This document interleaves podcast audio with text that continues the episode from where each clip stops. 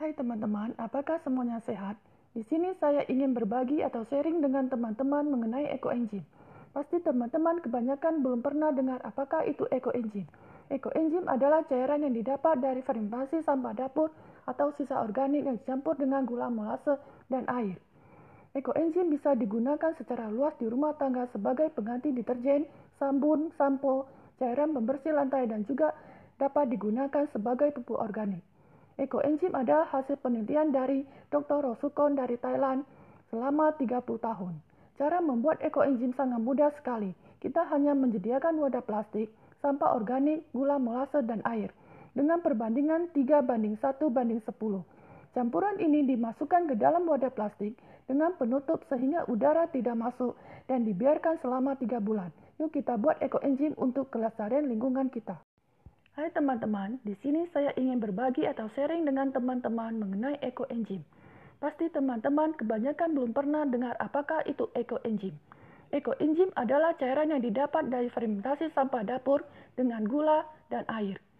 Ekoenzim bisa digunakan secara luas di rumah tangga sebagai pengganti deterjen, sabun, sampo, cairan pembersih lantai, juga dapat digunakan sebagai pupuk organik. Ekoenzim adalah hasil penelitian dari Dr. Rosukon dari Thailand selama 30 tahun. Cara membuat ekoenzim sangat mudah sekali. Kita hanya perlu menyediakan wadah plastik, sampah organik, gula molase, dan air. Dengan perbandingan 3 banding 1 banding 10.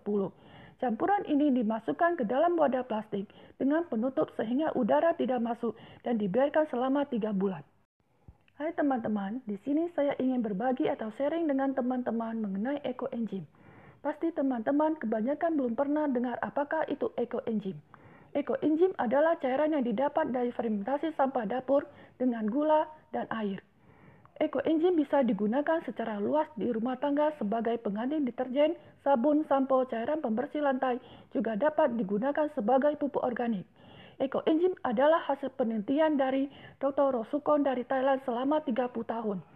Cara membuat ekoenzim sangat mudah sekali. Kita hanya perlu menyediakan wadah plastik, sampah organik, gula molase, dan air. Dengan perbandingan 3 banding 1 banding 10. Campuran ini dimasukkan ke dalam wadah plastik dengan penutup sehingga udara tidak masuk dan dibiarkan selama 3 bulan.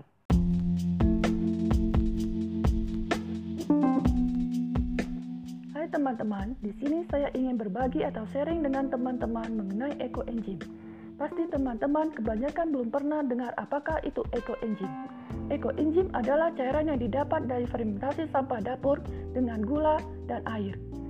Ekoenzim bisa digunakan secara luas di rumah tangga sebagai pengganti deterjen, sabun, sampo, cairan pembersih lantai, juga dapat digunakan sebagai pupuk organik. Ekoenzim adalah hasil penelitian dari Dr. Rosukon dari Thailand selama 30 tahun. Cara membuat ekoenzim sangat mudah sekali. Kita hanya perlu menyediakan wadah plastik, sampah organik, gula molase, dan air. Dengan perbandingan 3 banding 1 banding 10. Campuran ini dimasukkan ke dalam wadah plastik dengan penutup sehingga udara tidak masuk dan dibiarkan selama 3 bulan.